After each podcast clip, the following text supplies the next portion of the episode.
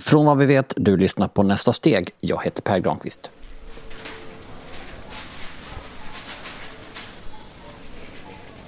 Jag tyckte rätt länge att jag var ganska bra på att anställa folk. Att hitta folk som har rätt attityd eller bra talang och är trevliga och som det sen går bra för. Men så anställde jag en dag en människa som visade sig vara knäpp. Ja, alltså inte knäpp som i diagnos borde få omedelbar vård knäpp utan liksom bara knäpp, konstig, egensinnig, osamarbetsvillig, lite arg. Jag var liksom alltid lite rädd för henne. Rädd för att hon skulle bli förbannad och det var alltid något trassel runt henne som ett litet mörkt moln.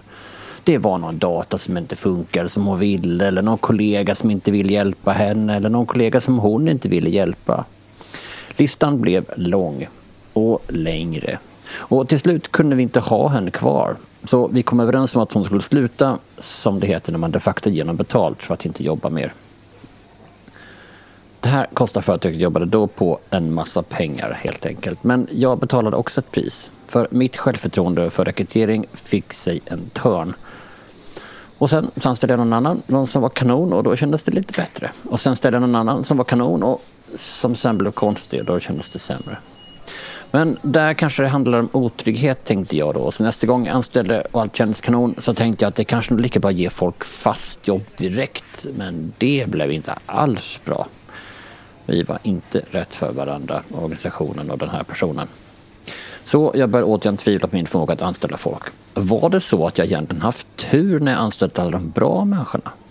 Antagligen. Jag har haft tur att hitta bra människor, anställt jättetrevliga, kloka, roliga, flitiga, fina personer som var toppen. Men som sagt, jag insåg att jag nog haft turen, inte skickligheten. Och eftersom det i planen för vad vi vet framöver ligger att anställa ett gäng bra människor i nästa steg så kan jag inte chansa. För nu ska jag anställa folk i mitt eget bolag. Så om det går till skogen så är det dumt och det kommer att kännas jättemycket och kosta jättemycket pengar. Så det är temat i dagens avsnitt. Hur anställer man någon som inte är knäpp?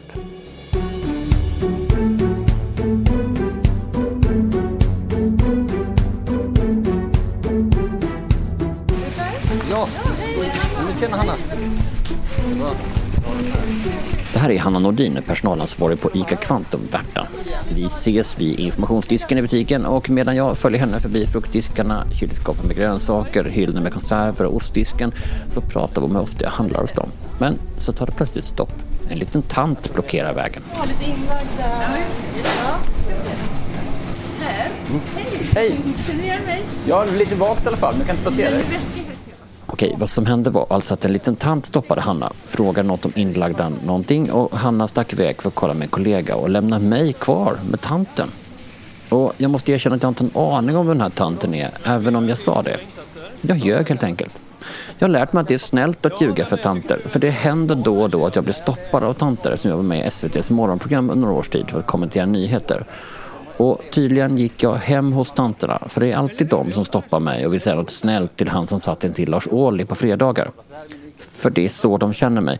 De vet nog inte ens vad jag heter. Jag är bara Lasses kompis. Eller så tror de att jag är deras kompis eftersom de träffat mig i rutan i deras vardagsrum under lång tid. Hur som helst, nu är Hanna tillbaka efter att ha tagit reda på var inlagda gurkor står någonstans. Och medan hon visar tanten så kan jag berätta varför jag är på ICA. Jo, det slog mig att de förstås rekryterar en himla massa människor här på en stor ICA Kvantum-butik som den här i Värtahamnen i Stockholm. Och att personalen här alltid är så trevlig. Och jag var därför nyfiken på att förstå hur de gör så att jag kan lära mig något och slippa hoppas på turen framöver. Kunden är alltid först. Som sagt, de är alltid trevliga mot kunderna här. Vi går ut på lagret och upp för en trappa och kommer till ett ganska kalt fikarum som ligger någonstans bakom kylarna. De som är fyllda med yoghurt och juice och sådär. Och när vi sätter oss vid det stora vita bordet kan jag konstatera att Hanna har med sig ett block där hon skrivit ner saker som är viktigt för henne att förmedla under intervjun. Och jag anar därmed direkt vad som framförallt präglar processen här på ICA. Ja, men vi jobbar väldigt strukturerat skulle jag säga. Vi börjar med kravprofilen. Titta på vad är det som faktiskt krävs för den här tjänsten. Vad är det för bakgrund och vad är det för egenskaper som behövs? Och sen gå in till skriva annons och lägga ut den i olika kanaler och sen eh, kontakta personerna. Ta alltid en telefonavstämning först. Se så att man får med det viktigaste som krävs då. för att gå vidare till intervju sen. Som sagt, strukturerat. Hur många brukar ni ta in för en tjänst? Jätteolika beroende på vad det är för tjänst faktiskt. Mm. Och hur snabbt det ska gå. Eh, behöver vi få in någon nu? Och har vi någon redan vi har träffat tidigare, kanske spontant, för att eh, reka? Så vi försöker ligga i framkant där så att man har några som man har träffat som kanske är intressanta när det väl dyker upp en tjänst. Jag frågar Hanna hur hon vet vad som gör att man passar på ICA Kvantum. Många olika saker tänker jag på, men framför allt det här med kundbemötandet. Den känslan att du förstår hur det är att möta en kund och gillar den typen av möten. Eh, Och också kan hantera såklart en kund som är missnöjd. Att man förstår att det mötet är avgörande för om kunden kan komma tillbaka eller inte till oss. Finns det några särskilda karaktärsdrag du letar efter där? Mm. Ja, men den här positiva inställningen till andra människor och att man är öppen och för andra. Och också att det här lösningsorienterade förhållningssättet, att saker och ting går att lösa. Lite som du gjorde nu med den här damen som behövde snacks eller någonting som var inlagda gurkor eller något i den stilen. Liksom. Mm. Och då drog du iväg och gjorde det bara. Mm. Ja, men precis. När jag jobbade på restaurang och kaféer en gång i tiden så talade man om att folk hade det eller inte hade det. Servicekänsla. Det var något som man hade i händerna eller inte. Så jag frågar Hanna om hur man kravställer något så luddigt. Hur låter det på papper eller skriver man bara servicekänsla? Ja, den är ju lite svår att fånga i text såklart. Eh, men beroende på erfarenhet, har man jobbat med någonting som kopplat till service eller människor innan kan man ju se. Verkar man ha något intresse för, för andra människor och det sociala så som det ändå innebär att jobba med andra. Men också sen såklart i personliga brevet eller nämner man någonting att man gillar service, kunder, att man eh, har det intresset så visar ju det någonting. Alltså det här är intressant. Hanna svarar på min fråga men samtidigt svarar hon egentligen inte på den. Hon beskriver att hon letar efter folk som kan tala om servicekänsla. men Hon beskriver inte exakt vad de ska säga.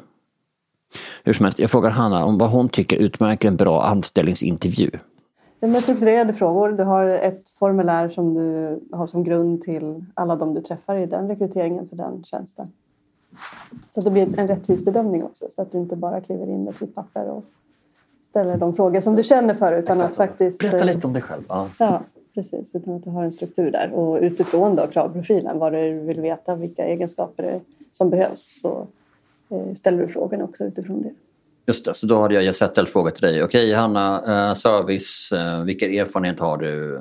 När har du kanske fått bra service? Hur förhåller du dig till det? Och så försöker jag borra lite där. Mm. Och sen så gör jag det till alla de andra tio. Precis. Så att det blir precis en bra jämförelse också mellan olika kandidaterna. Gör du det i Excel då? Så här får jättestort.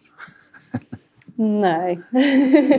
jag skriver jag mycket så här, skriver ner för hand och så får man sitta sen och eh, gå igenom det. Jag berättar för Hanna om mina blandade erfarenheter och hur jag ofta litar på magkänslan och hur det ibland blir bra och andra gånger mindre bra. Ja, men det är kanske lite det vi har varit inne på, att det är bara slänga in någon som känns bra. eh, Och det här magkänslan, att ja, men den här personen känns bra. Ja, fast man behöver backa tillbaka till vad är det vi faktiskt behöver för att hitta rätt här. För att den här personen ska bli rätt för oss. Och vilka egenskaper behövs, vilka erfarenheter. Så att man inte går på det där klassiska, men det känns bra i magen, nu kör vi bara. Tryggheten och kvaliteten som blir av att göra den processen. Okej, tydligt definierad process ger trygghet och kvalitet. Men sen kan man väl hoppa över den om man hittar någon som känns kanon direkt antar jag. Jobbar ni med provanställning eller anställning folk direkt? Provanställningar, alltid. Alltid, alltid, alltid. Mm. Hur lång är en provanställning? Sex månader. Ah, jag borde anat det. Struktur. Så varför då just sex månader? Då hinner man komma in i jobbet, man hinner eh, jobba ett tag, bli bekväm i det och känna att det känns rätt helt enkelt. Så att inte personen är knäpp.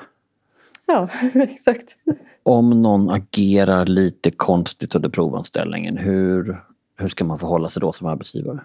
Det är viktigt att fånga upp det som händer snabbt, direkt. Och finns en rimlig förklaring till det så är det ju en sak. Men är det konstiga saker som händer som inte finns rimliga förklaringar till då är det ju faktiskt eh, märkligt. Då är det någonting som inte stämmer oftast. Kan man vara så krass att man skulle kunna säga att man alltid ska avsluta provanställningar om det känns konstigt? Beroende på vad, som sagt, om det finns en förklaring till det eller Mm. inte. Men om det inte finns någon så här, vad som känns en rimlig förklaring, Mm. är det den stora röda varningslampan? Mm, det tycker jag. För det där är svårt. Det kan också vara så att det säger någonting om man inte vill bli provanställd då. Då kommer då kommer man inte få jobba på, på ICA Kvantum uppenbarligen. Nej, det blir svårt. Vi, då, jag tycker också att det kan vara en orosklocka till varför man inte vill det. Jag börjar se ett mönster när det gäller mitt eget beteende. Jag har varit för hygglig, erbjudit fast för fort, anställt för snabbt, slarvat referenstagning och inte varit lika noggrann som Hanna i intervjuerna.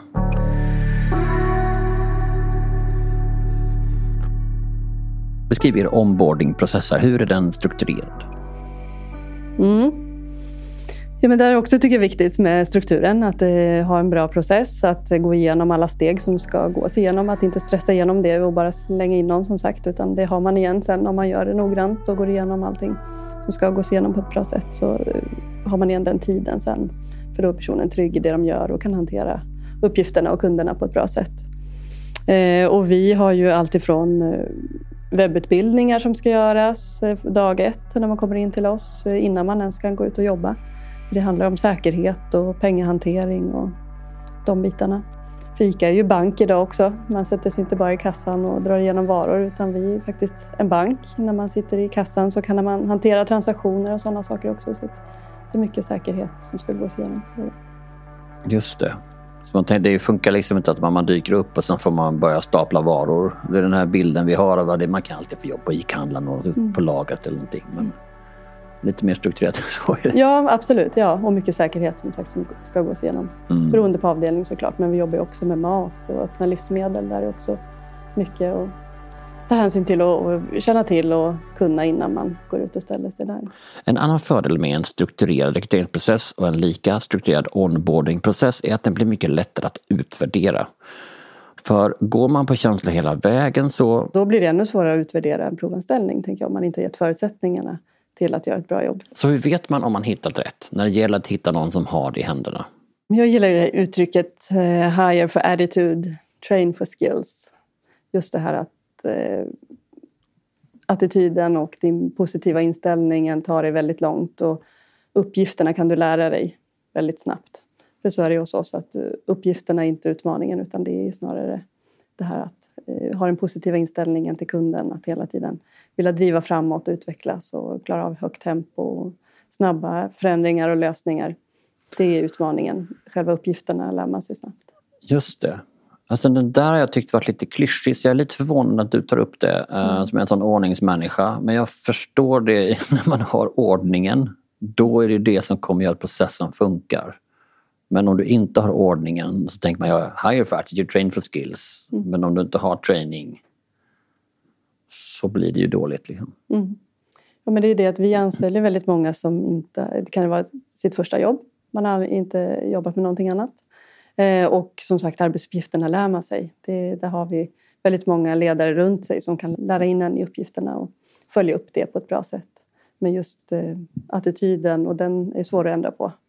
Kliver man in med fel attityd då, så är det svårare Kan man ändra på ändra den. Nej, det är jättesvårt. Det tror jag knappt. Jag hade, Så att fånga in den, eh, precis, att det är rätt person med rätt ja, eh, attityd är jätteviktigt. Det är kanske just det här som är grejen. Eftersom ICA är så strukturerad i övrigt så kan de ha ett kompetensområde som är helt oklart. Eftersom allt annat ju är definierat och tydligt så kan de kosta på sig att gå på magkänslan när det gäller vem som har service eller inte. Det är ju någonstans i intervjumötet också, du får en känsla för den där personen. Mm. Hur, hur den för sig, och kroppsspråk och engagemang och driv. Finns den här gnistan i ögat på något sätt? Finns det, Mm. eh, det här engagemanget som jag tycker ändå att man kan fånga upp i, bara i mötet. Jag säger hej då till Hanna Nordin, lämnar lagret och lämnar min ICA Kvantum Värta. På vägen ut får jag förstås frågan om jag behöver hjälp att hitta en varukorg eftersom jag inte bär omkring på en. Jag tackar nej, jag går hemåt. Efter att Hanna Nordin förklarat hur de tänker och jobbar är det dags för mig att bygga upp egna strukturer för att försäkra mig om att jag anställer rätt människor. Det är bara en hake och det är mina egna fördomar. För att bli framgångsrik när det gäller anställningar måste jag kunna förstå när mina egna fördomar riskerar att göra att jag tar fel beslut. Så hur gör man för att få koll på sina blinda fläckar? Mer om det efter det här.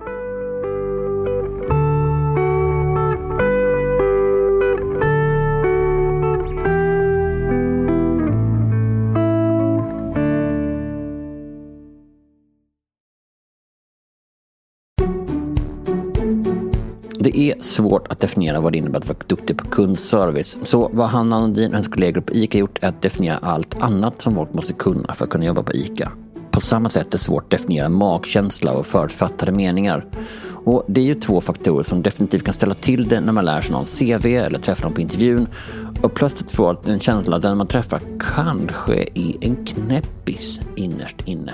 I grunden, alltså det är ganska få människor som faktiskt är knäppa.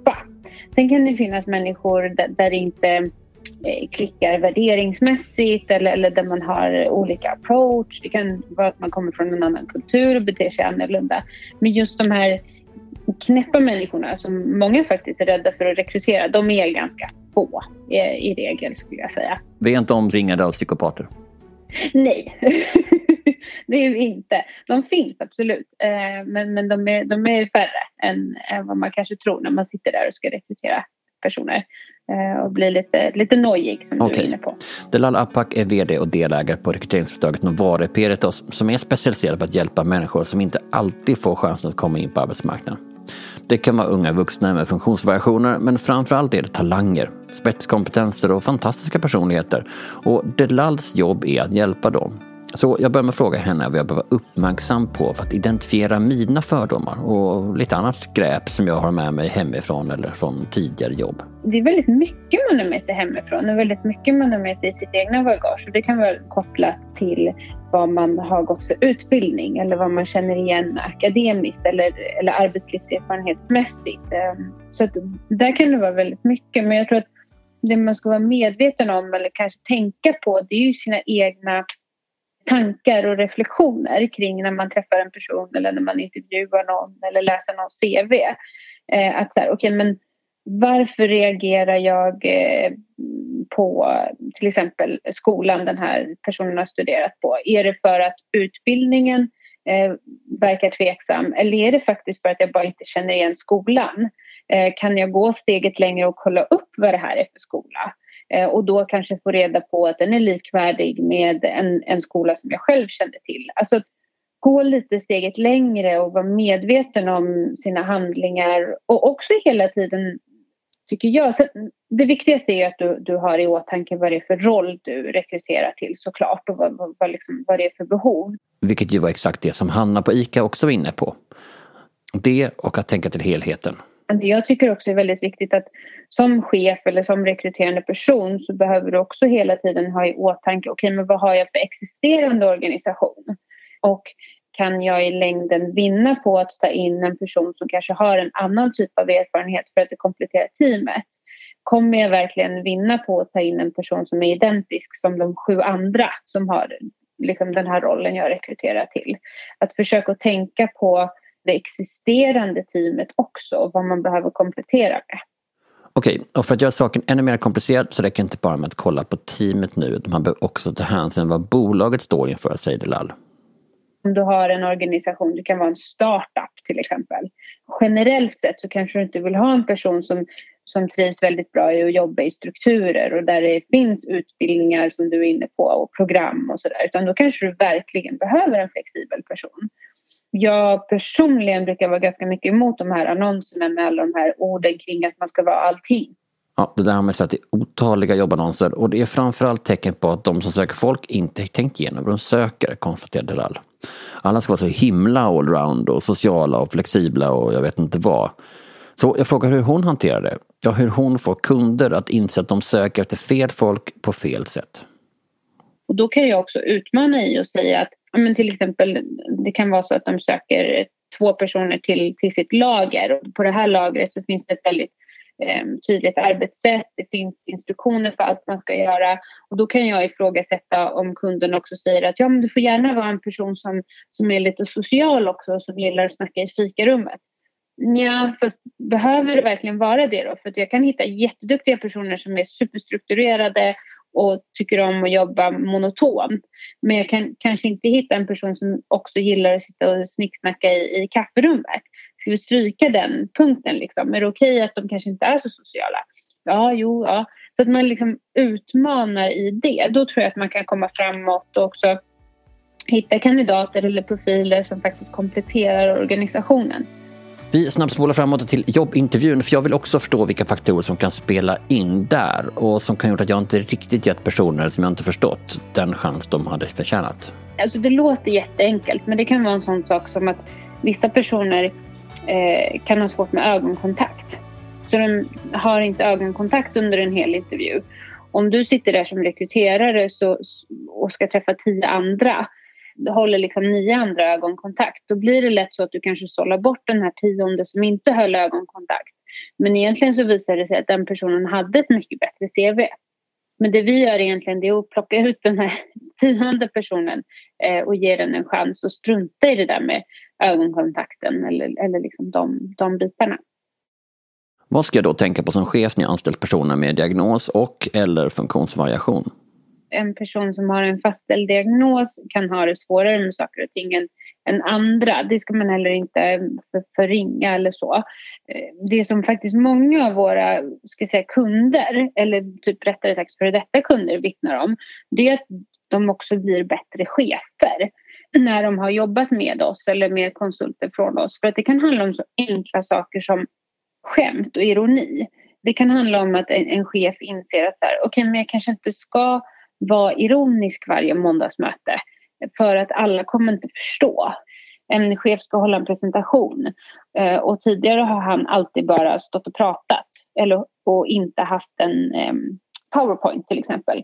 Men sen helt plötsligt börjar den här chefen använda sig av både och. Alltså att man använder sig av här, både text och att stå och prata. Och bara sådana små saker kan skapa positiv förändring i en hel organisation. Chefen eller cheferna i fråga blir påminda om eller så här, gå tillbaka till att okej, okay, men mitt jobb är faktiskt att se till att det här rullar och att det här rullar på ett bra sätt.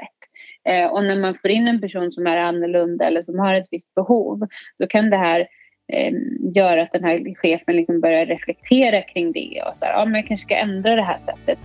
Ja, det är som vanligt alltså. Det är jag som måste ändra mig och konfrontera fördomar hur jag beter mig. Jobbigt. Jag önskar att alla andra kunde använda sig istället och låtit mig fortsätta som jag är. Det hade varit typ hundra gånger smidigare. Men Delal säger att jag borde se ett annat perspektiv. Som ett sätt att effektivisera min kommunikation för att slippa missförstånd. För att få ännu mer som jag vill. Och det låter ju spännande. Om man tittar på svenska språket. Eh, när vi pratar så använder vi väldigt, oftast folk som inte eh, kan svenska brukar tycka att det låter som att vi sjunger. För att vi säger saker, men vi kan säga samma sak tre gånger fast det kan, du och jag förstår att en person är jättearg eller glad eller nöjd eller missnöjd. Eh, men för personer som kanske inte ja, men antingen har någon typ av diagnos som gör att man inte hänger med på de olika tonerna i språket eller kanske har ett annat modersmål så, så blir det här svårt. Och det är också en sån sak som, som man kan behöva tänka till kring. att Okej, okay, men vänta, jag måste gå tillbaka till mig själv. Jag kanske ska förklara det här på ett annorlunda sätt min medarbetare kommer inte förstå att jag inte är nöjd när jag skriver det här var ganska bra. Utan jag måste liksom förklara, du vet de här tonaliteten som kan finnas mycket i när man pratar eller när man ger feedback. Det är inte alla som hänger med på det. Det där var Delal Apak på Novare Piratos och det hon säger är förstås saker som man kan behöva koll på redan på intervjun för att undvika missförstånd.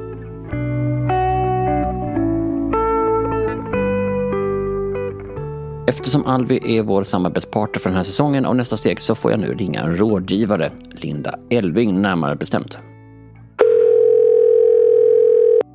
Du som har jobbat i stora företag och anställt ganska många, vad har du liksom lärt dig om när man plockar in folk? Det här första intrycket av provanställning och allt sånt. Nej, men det man har lärt sig är väl att har man liksom någonting som en liten tvekande känsla i magen så ska man nog lyssna på det. För, för någonstans så, så liksom det blir aldrig bättre än vad det är i intervjun. Då, för där visar ju sig alla kandidater från sin bästa sida såklart. Mm. Så att det har jag liksom tänkt många gånger att ja, men det blir aldrig bättre än så här. Och är det då tillräckligt bra? Ja, det där är ju väldigt krasst, men det är också väldigt mm. sant.